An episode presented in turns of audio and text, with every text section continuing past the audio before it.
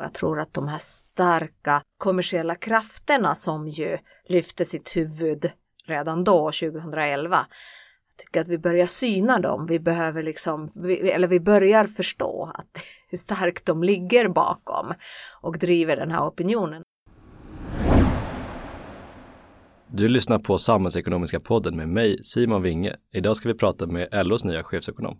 Vad fan får jag för pengarna? Så hur går en finansiell kris till? 400 000 euro motsvarar ungefär i svenska kronor 40 000 miljarder kronor. Det är lätt att vara populist och stå och lova mycket hit och dit, men eh, du ska få ihop en budget. Många kommuner i Sverige har fått sämre ekonomi. Det går bra för Sverige just nu. Our current fossil fuel economy has reached its limits. Då säger jag hej och välkomna till Samhällsekonomiska podden som leds av mig, Simon Winge, chefsekonom på Akademikerförbundet SSR. Och vår gäst idag är ny chefsekonom på LO, nämligen Laura Hartman. Välkommen hit! Tack så hemskt mycket! Du kliver in på en, LO-ekonom har haft en tung roll i samhällsdebatten under ja, i hela 1900-talet skulle jag säga och i 2000-talet. Så min fråga är, hur ska du förvalta den och är du en ny PO Edin? Ja, det kan man ju hoppas. Eh, jag är verkligen imponerad av mina föregångares eh, arbete och hela den svenska modellen som där parterna har spelat så otroligt viktig roll och inte minst LO-ekonomerna. Så att det är ju ambitionen att bli en lika tung spelare. Sen så tänker jag att jag inte bara ska förvalta den rollen utan också vidareutveckla. Eh, så att det inte bara handlar om att göra som alla tidigare utan ja, världen förändras och då får väl den här liksom, samhällsdebatten och möjligheter att nå ut och frågor som man behöver lyfta också naturligtvis förändras. För en fråga jag själv funderat lite på är ju om man som ekonom, finns det någon särskild facklig ekonomisk hållning skulle du säga? Jag tycker det är en jättebra fråga. Jag tänker väl framförallt att när man jobbar som ekonom i en eh, intresseorganisation som ett fack ändå är, då måste man ju liksom hela tiden utgå från medlemmarnas, i det här fallet förbundens medlemmars bästa. Det är ju liksom den självklara utgångspunkten för vad man, vilka frågor man väljer att eh, ta sig an och hur man ja, hur man närmar sig dem och, och sen så ska ju, ja, är det ju lika viktigt såklart att de förslag man lägger och Eh, de resultat man presenterar bygger på forskning och kunskap. Det ska ju liksom inte färga alla resultat per automatik, men, men det är ju ändå en tydlig ideologisk värdegrund som man utgår ifrån. Sen kan det ju finnas motsvarande naturligtvis i andra organisationer så att så det är inte unikt för fackliga ekonomer att utgå från en tydlig ideologisk värdegrund. Det skulle jag påstå att även de på arbetsgivarsidan och andra intresseorganisationer gör. Men, men hos oss är ju det liksom härstammar ju det från medlemmars bästa. Men hur ser den värdegrunden ut? Vad är medlemmars bästa? Alltså hur konkretiserar man det? Nej men för LOs del så tänker jag att det är ju ett jämlikt samhälle. Alltså det, det som är, som jag brukar beskriva den stora frågan som den eviga frågan för LO-ekonomer är ju hur uppnår vi full sysselsättning och jämlik rättvis resursfördelning. Där ju solidarisk lönebildning är en, en central del men, men naturligtvis andra politikområden också bör bidra till. Och det är den här jämlikhetsaspekten och där vi alltid eh, intresserar oss för arbetarkollektivets situation.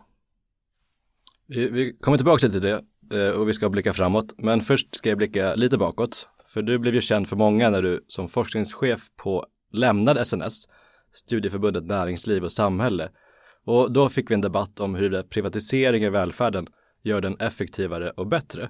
Och ditt svar då var i huvudsak att det kan vi inte påvisa. Nu har det gått mer än tio år sedan dess och parallellt under den här tiden har ju en handfull företag inom välfärden blivit väldigt mycket större och utför betydligt mycket mer välfärdstjänster ändå.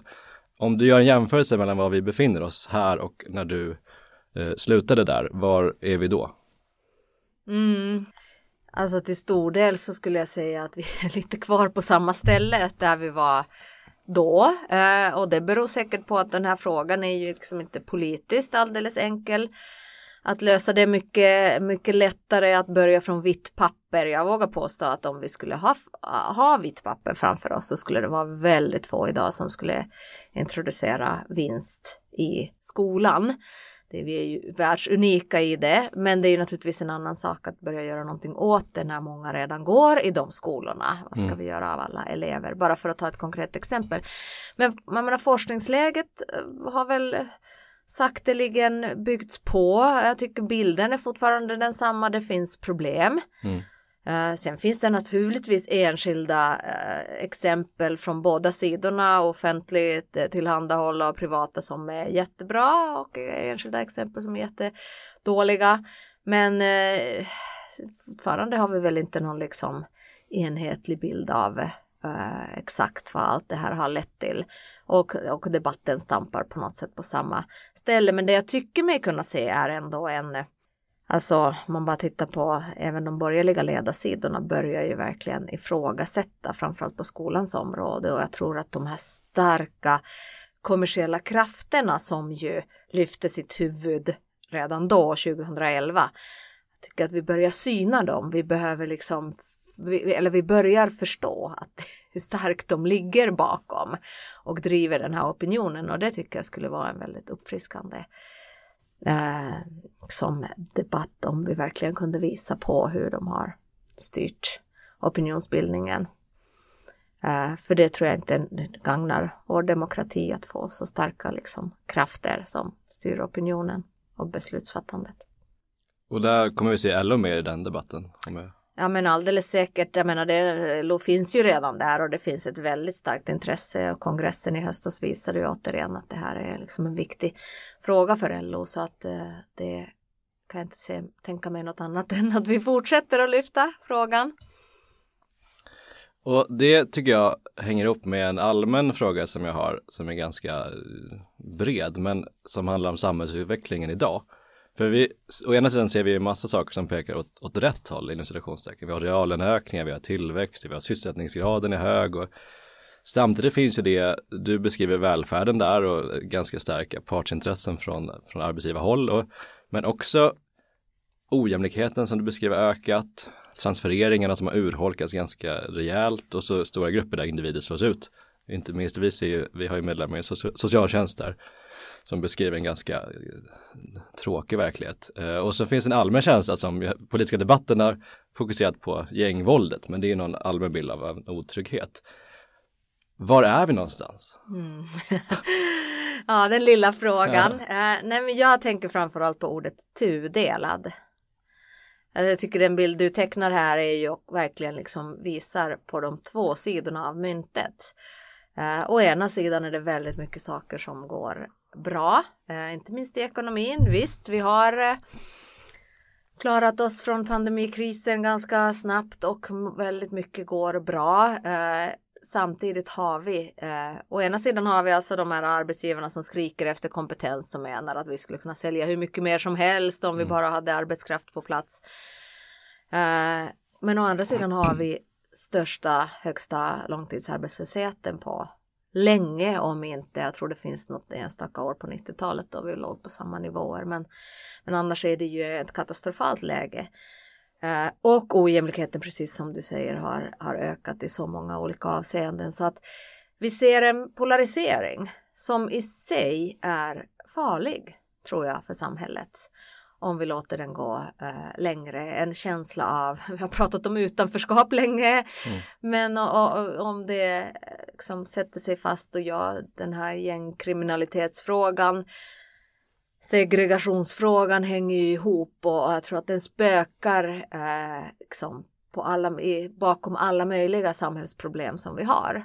Och det finns ju en skrämmande utveckling i, utomlands som vi ser, alltså där verkligen demokratin eh, går i kris. Eh, det tror jag inte att vi ännu kan säga i Sverige och hoppas att vi aldrig behöver säga. Men nej, det är en polarisering och tudelning. Mm.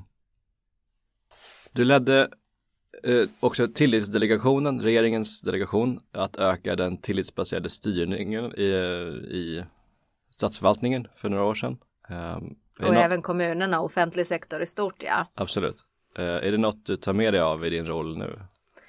Jo, det gör jag skulle jag säga flera, eh, på flera olika sätt.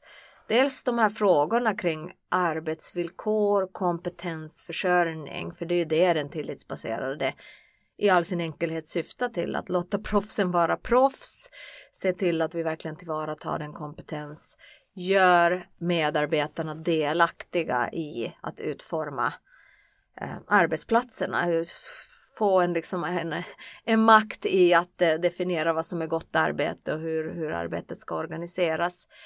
Det är ju naturligtvis en, en central fråga för en facklig organisation också. Hur ska vi liksom öka delaktigheten och inflytandet från, från medarbetarna?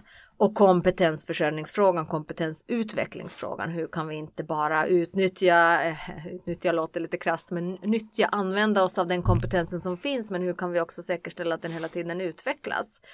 Det är ju en grund för också en väl fungerande arbetsmarknad. Så det är det ena. Den andra är mer av en metodfråga eh, som jag tar med mig, nämligen det här mötet som en metod att eh, ta sig an stora komplexa samhällsfrågor. Samla aktörer som har makt eh, och inflytande och kunskap i frågan runt ett bord kring fakta, kring forskning och eh, liksom utveckla svaren tillsammans. Det var ju så vi byggde hela tillitsdelegationsarbetet. Det var ju som ett evigt stort workshop som mm. workshoppande som pågick i flera år. Och det, den modellen tilltalas jag starkt av och ser också, du näm nämnde P.O. Edin här tidigare, ja, min läsning av hans och hans kollegers gärning var ju precis den också. Då var det liksom inflationen som var det stora spöket och problemet vi behöver göra någonting åt det här. Vi tycker vi har olika ideologiska ståndpunkter och så här, men vi alla ser samma problem.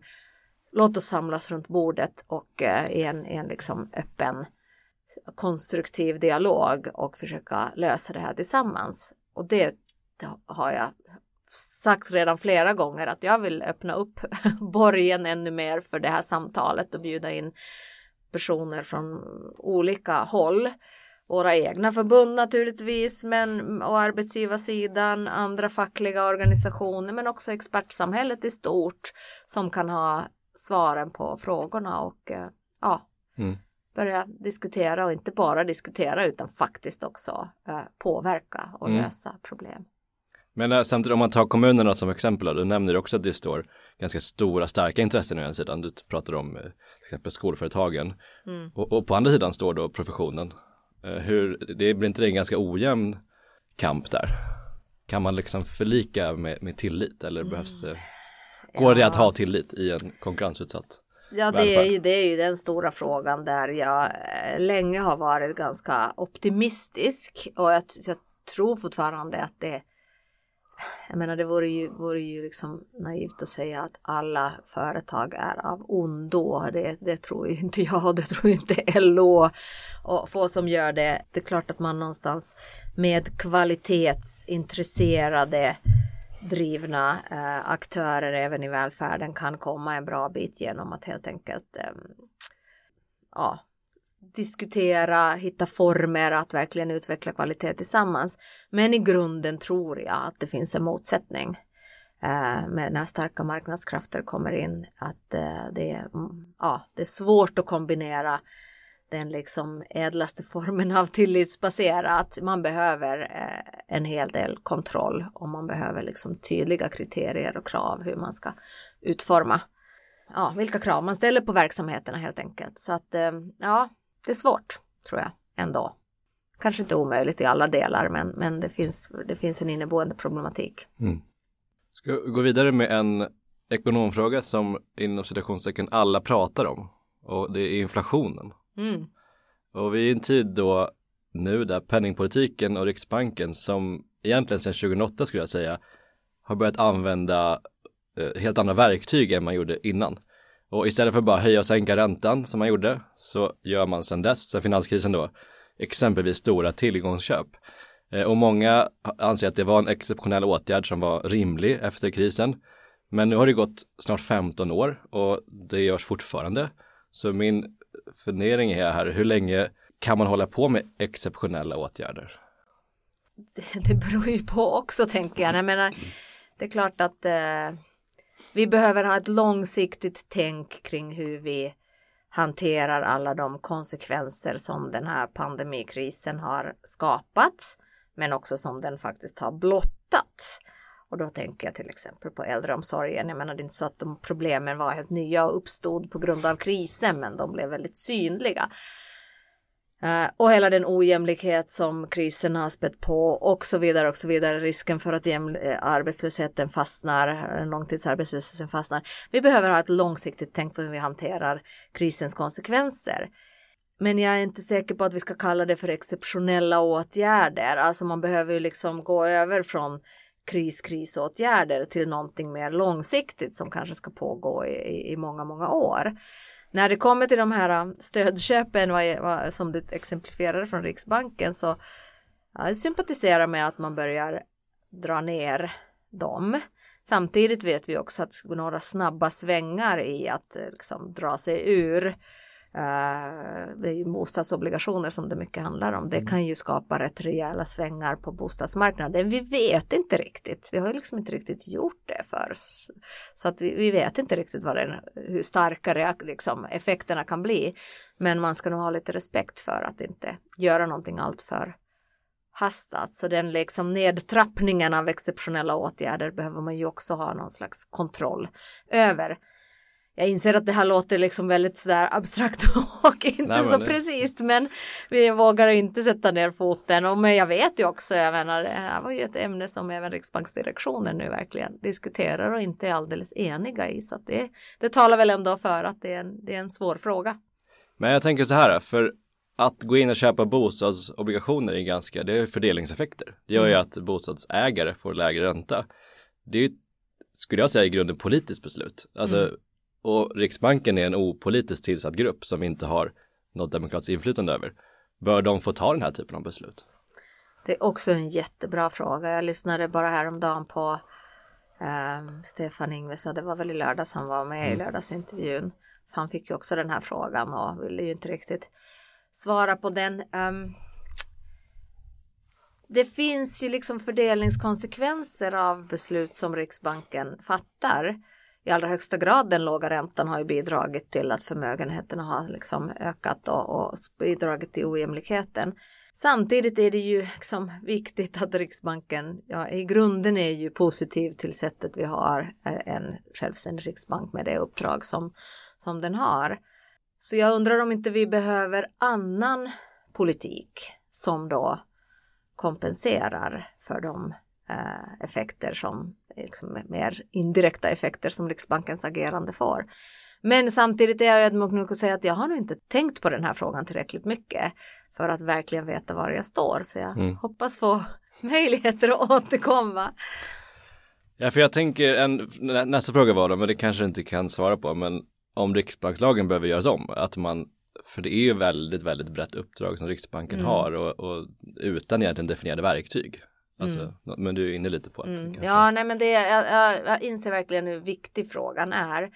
Men jag eh, vill inte föregå en eftersom jag inte har riktigt hunnit tänka igenom. Däremot på en allmänt plan så kan man ju säga att, att när man skapar sådana här starka institutioner när man inför stora omfattande reformer och man gör en liten utstickare tillbaka till mm. frågan om konkurrensutsättning av välfärden mm. så måste man ju tänka efter före också. Hur ska vi utvärdera det här och man måste liksom med jämna mellanrum se över och våga lyfta i de här frågorna så att, att man liksom tillsätter ordentliga utredningar mm. som ser över det här är ju jätteviktigt. Och du är inne och nuddar eh, finanspolitik mycket nu. Från mm. Riksbankens eh, agerande till vad regeringen gör. Och eh, där har ju LO under många år drivit just en mer expansiv finanspolitik. Och sen pandemin har det börjat hända en hel del som man kanske inte ens tänkte var möjligt tidigare. Mm. Är ni nöjda nu? Är det tillräckligt mycket finanspolitik? Nej, det är vi inte. Jag tror att det senaste prognos här, Riksbanken eh, säger väl att offentliga Överskottet lär bli någonstans kring knappt 1 procent. Deras prognos för det gångna året 0,7 om jag minns rätt. Det är ju långt ifrån det, den siffra som LO har förespråkat. Vi menar ju att den ska kunna ligga på minus mm. uh, ett antal år framåt. Så att uh, det finns mycket kvar att göra men det är klart att vi gläds åt och jag tror att några av mina äldre kollegor, inte åldersmässigt utan som tid som LO-ekonom kanske också lite eh, lite, lite, lite smått förvånade hur, hur snabbt det ändå har gått att många har liksom anslutit sig mer till den ståndpunkten som LO länge har förespråkat, eh, nämligen att vi behöver mer expansiv politik. Till och med Riksbanksdirektören Per Jansson själv börjar ju eh, prata om en lite ny arbetsdelning mellan finans och penningpolitik. Så då har du ju nästan svaret på om du tycker pandemin har påverkat synen på vad staten kan och bör göra. Mm. Eh, om hur mycket det är pandemin Mm och hur mycket det är, annat. Jag menar det finns ju liksom bland internationella ekonomer också en eh, liksom, mer den här typen av syn. Nu har ju pandemin funnits visserligen överallt så jag tror att det är svårt att separera vad som har varit pandemins effekt och annat. Men de låga räntorna som vi har haft i, eh, under en längre tid än bara pandemin har ju naturligtvis också bidragit till att man, man ser att just nu går det att utöka statsskulderna utan att det kostar för mycket. Sen finns det ju stor skillnad mellan länder. Men Sverige är väl just det land med sin låga statsskuld där det verkligen inte kan anses vara så farligt att låta till och med statsskulden öka lite. Men nu har den ju bara minskat så att man kan ju föra mer expansiv politik utan att den ska, statsskulden ska behöva öka. Men en följdfråga till det är ju att LO har länge bejakat en expansiv finanspolitik. Men nu har man ju till och med sett att Tories i Storbritannien gör det och jag menar, det finns ju stor del av alt-right-högern i USA har lite samma retorik. Är det någonting, alltså är det i grunden arbetstagarvänligt att vara för en, en expansiv finanspolitik? Eller kan det lika gärna vara, finns en vänster-höger dimension där? Jag tänker att det inte per automatik eh, är arbetstagarvänligt. Det beror ju på vad vi satsar pengarna på. Alltså det är ju alltid viktigt då, naturligtvis den första frågan någonstans är, finns det ett behov? Finns det investeringar som eh, kan anses vara kloka och lönsamma? Mm. Uh, har vi inga sådana, ja, men då ska vi ju inte slösa pengar på någonting som inte ger oss någon, eh, någonting tillbaka. Visst kan liksom den automatiska effekten att bara pytsa ut pengar i ekonomin kan ju ha naturligtvis sina positiva effekter, men de kan ju också slå väldigt olika beroende på hur man pytsar ut pengarna. Och det är jag tänker just att den liksom viktiga skillnaden mellan en penningpolitisk stimulans och en finanspolitisk stimulans är att den penningpolitiska är ju verkligen bred. Den pytsar ut pengar i, i ekonomin. Sen så visar den sig ändå att kunna ha de här lite olyckliga, eller inte så lite, men olyckliga fördelningspolitiska effekterna när den liksom mm. ökar bostadsförmögenheterna. Men finanspolitiken kan ju rikta sig mycket tydligare i satsningar som vi anser kan, och som kan ha en fördelaktig fördelningsprofil. Mm. Till exempel utbildning, omställningsåtgärder eh, av olika slag arbetsmarknadspolitiken. Och det är där jag skulle vilja se mycket av satsningarna i människor. Mm. Sen finns ju de här äh, kraftledningarna och annat som, som alla pekar på. Som jag kan säga att de två åren som jag jobbade i Uppsala så var det här en liksom, äh, som hållbarhetschef en fråga som varje dag. Äh, effektfrågan och liksom elförsörjningsfrågan. Den är såklart också viktig men just investeringar i människor och kompetensutveckling av olika slag. Och den kan ju definitivt ha en, en, en arbetarvänlig politik. För där har du också satsat, sagt att vi bör satsa mer på välfärden, i synnerhet äldreomsorgen mm. tror jag du sa i lördagsintervjun här om veckan. Eh, vad, konkret, vad skulle du vilja se för satsningar där då? Ja, mycket skulle jag vilja se där. Alltså äldreomsorgen har ju eh, under många, många år fått verka i det dolda, jag vet inte hur man ska säga det, men, men vi har ju liksom ändå andra välfärdsyrken också har ju fått lite mer lyft och fokus. Eh, bara förskolelärarna liksom, och hela det området. Men äldreomsorgen den, den behöver både händer och fötter men den behöver ju naturligtvis också ett liksom, tänk kring kompetensutveckling. Den behöver bra arbetsvillkor. Vi behöver liksom kontinuitet. Det lyfter ju forskningen bland den absolut viktigaste utifrån den äldres perspektiv. Vi vill ha kontinuitet i de som tar. Det där hänger ju väldigt mycket ihop hur arbetet organiseras men också naturligtvis eh, mängden personer som arbetar där. rent krasst det behövs pengar för att eh, anställa, för att kunna betala ordentliga löner naturligtvis. Men också för att eh, ha, inte, inte ha 37 eh, medarbetare per chef utan ha lite mer chefstäthet. Det finns massa aspekter som, som många av dem kostar pengar men en hel del går det naturligtvis att göra också genom ett lite annat tänk i ledning och styrning och då är vi ju tillbaka liksom i tillitsdelegationens tankegångar. Men det låter som en nivåskillnad i den kommunala välfärden. Mm, precis, och därför menar ju också LO har sagt det förr och, och kan säga det igen att, att eh, liksom hela den kommunala finansieringen och statsbidragssystemet eh, skulle behöva göras om också. Vi behöver ju mer generella satsningar om jag nu kommer in på, på den mm. frågan. Men, men eh, får man ju sen hoppas att att eh, kommunerna förstår att det här ska in i äldreomsorgen. Det är ju det eviga dilemmat förstås om staten vill styra in det där så har det ju sina nackdelar. Men jag tror att många kommuner ser behovet. Men många verkar inte göra det. För 2021 så var det ju väldigt många som sänkte skatten och i år är det ännu fler. Mm. Fast de har fått de här pandemipengarna av staten. Hur, mm. hur tänker du kring det då? Ja, det är svårt liksom att uttala sig. Det finns trots allt 290 kommuner där situationen är ju olika. Det, och det är ju ett problem i sig naturligtvis. Eh, Samtidigt som det är liksom ett resultat av den konstruktion som vi har. Och kommunala självstyret, så länge vi har det så förväntar vi oss också att det blir lite olika. Men, men jag menar bara att det, det går inte att säga liksom generellt att det absolut inte kan finnas skäl i något kommun och utrymme att sänka skatten. Men rent generellt så är ju vare sig jag eller LO för att i detta läge liksom med de behoven att, att gå den vägen utan snarare satsa mer. Men eh, ja, det är, systemet är ju som det är och man kan göra andra prioriteringar på kommunal nivå. Sen är jag inte så säker på att det riktade medel nödvändigtvis kommer att lösa det ändå. Så en större reform behövs? Ja, jag är väldigt öppen och mm. nyfiken på att liksom se över systemet mer i stort. Sen är ju det kommunala utjämningssystemet väl ett av de systemen som har utretts fler gånger och det pågår ju alltid någon slags utredning men det säger, det säger inte att, man, att vi inte behöver se över det ändå. För vi har ju lagt ungefär 20 miljarder per år på att bara testa eh, medborgare för covid. Och det har ju gått utmärkt och som du säger har ju Sverige gått plus ändå. Eh, hur mycket av de här 20 miljarderna skulle man väl lägga på den kommunala välfärden då? Åh! Istället för ja. testning. Istället för testning om vi nu inte längre ska göra det annat än i, i, i vissa uh, få situationer. Ja, jag skulle nog kunna skicka de pengarna gärna om det var möjligt eh, rakt dit. Men jag kan ju se andra behov också för de 20 miljarderna så att eh, jag vet inte om, om det bara dit vi skulle skicka dem. Framförallt skulle jag vilja säga om jag fick eh, 20 miljarder i min ficka som jag kan mm. satsa på någonting. Eh, så oavsett vad jag skulle satsa dem på så skulle jag ställa krav, rigga den här satsningen så betingar den på att göra olika typer av försöksverksamheter, testa nya sätt att lösa problem.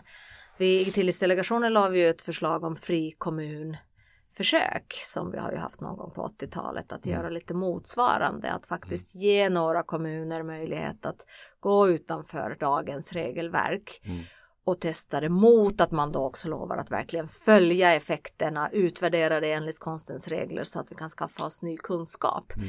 Så att det är någonting sånt skulle jag nog kunna tänka mig att satsa de här pengarna på. Och då kan man ju rikta dem om man nu tänker att det är äldreomsorgen bland annat. Att man helt enkelt säger att ja, men gör ni det här inom äldreomsorgen så kan ni ansöka om medlen. Intressant. För du pratar ju om behoven här och vad som behövs göras i första hand i välfärdssektorn och vi blir allt rikare som samhälle. Eh, samtidigt lägger vi allt mindre resurser som andel av vår inkomst på just den här välfärden och sociala mm. omsorgen. Varför, tror du? Ja, det är också en bra fråga. Undrar om det inte är så att de röster som de, de som behöver den omsorgen är inte de starka rösterna i, i samhället. Fast alla behöver ju äldreomsorg. Alla blir ju äldre, ja. ja men, och vård, alla blir sjuka. Men vi kanske inte...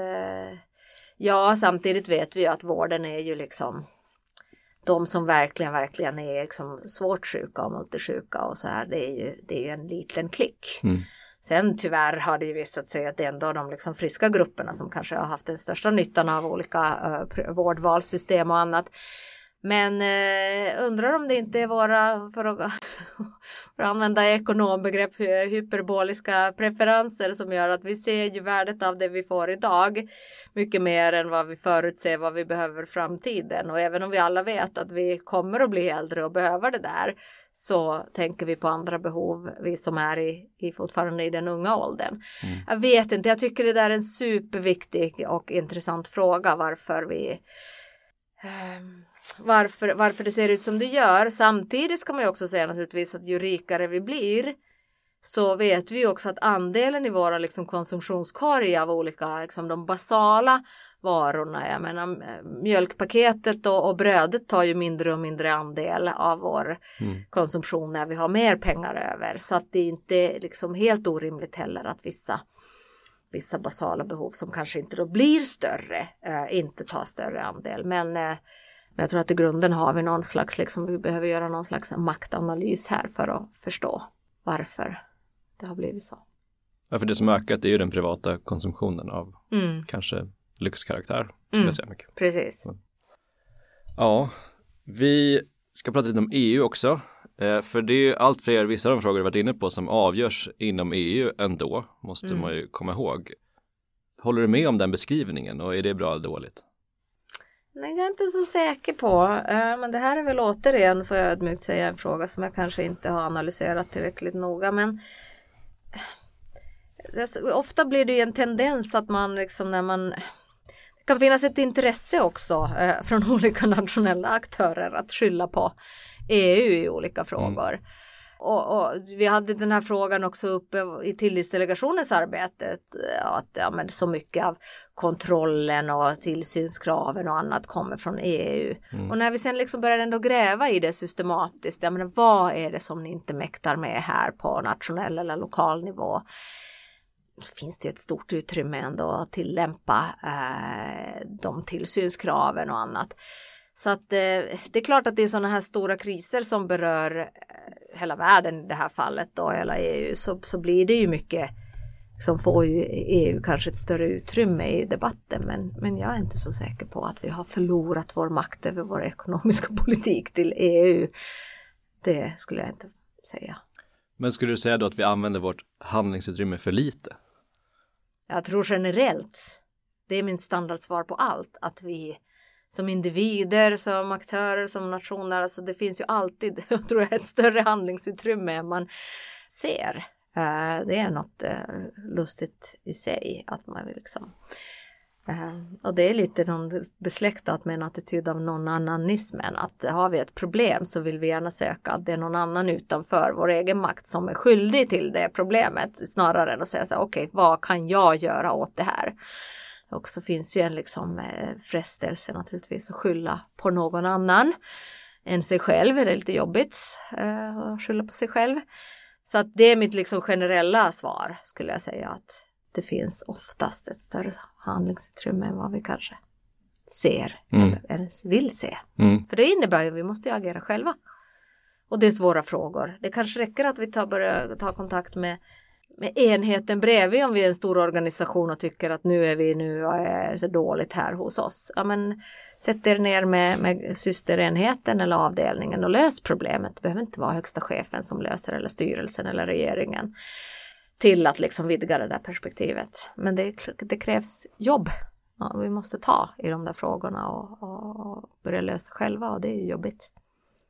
Men för en fråga jag tänker, jag tycker ofta säger att EU, vi behöver det, är ju klimatfrågan. Mm. Och sen när vi pratade innan här så sa du, ja men kan vi inte prata lite mer om samhällsfrågor? Och då sa jag just det, men klimatkrisen, kan ja. vi prata lite mer om den? Och hur ska vi tänka, liksom, var? Ja, nej men just den, med detta med, nyss har jag sagt det och då får jag säga emot mig. Nej men jag tycker faktiskt att det där är ett område där jag är jätteglad över att EU nu har kommit eh, eh, överens om utsläppsrättssystem. Det är verkligen, det, det finns ju frågor som verkligen behöver lösas på global nivå.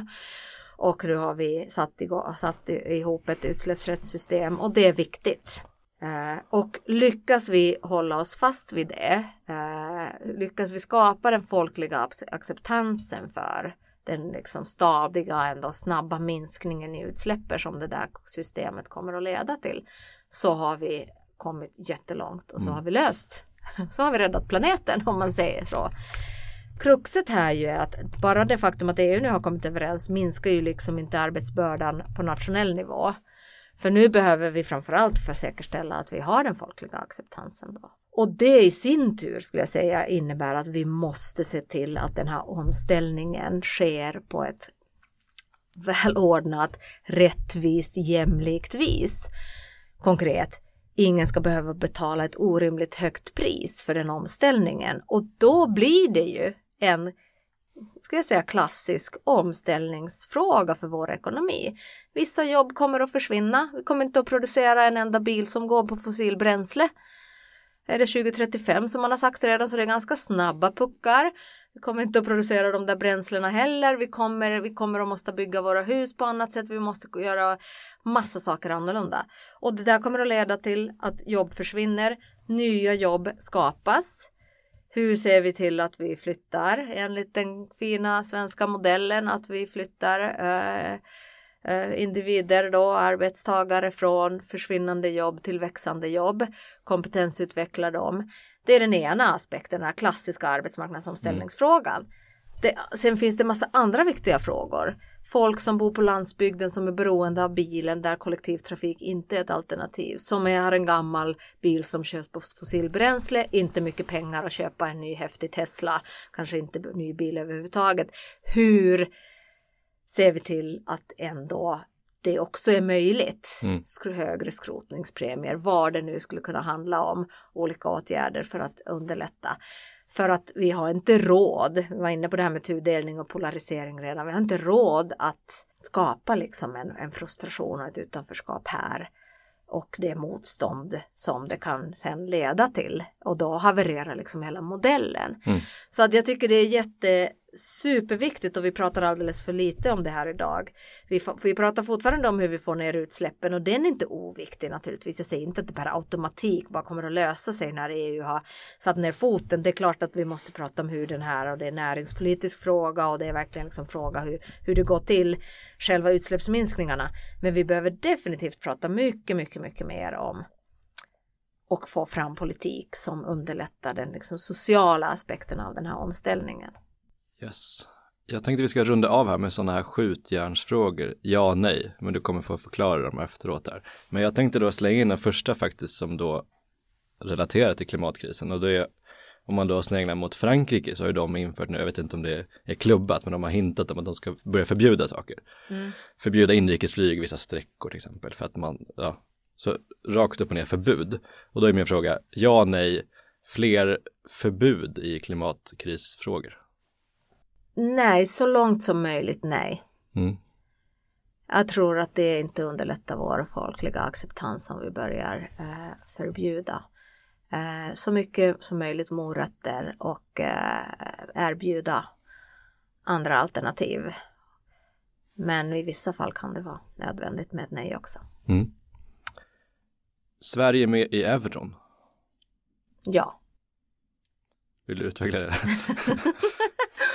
Det kom lite snabbt här. Ja, men jag, jag tror att det skulle, ja, jag är ju för den liksom europeiska solidariteten någonstans, men eh, ja, men det är ingen stor viktig fråga, fråga för mig. Men jag, jag, jag är en finne i grunden och jag tänker att eh, det där skulle kunna vara bra för Sverige också. Ja, jag vet inte, ärligt talat, det är inte viktigt, men eh, spontant, det kom från hjärtat att mm. jag gärna skulle Intressant. se oss en del av marknaden. Jag är inte säker på att det är en eh, generell LO-ståndpunkt men eh, det får gå för undertecknad.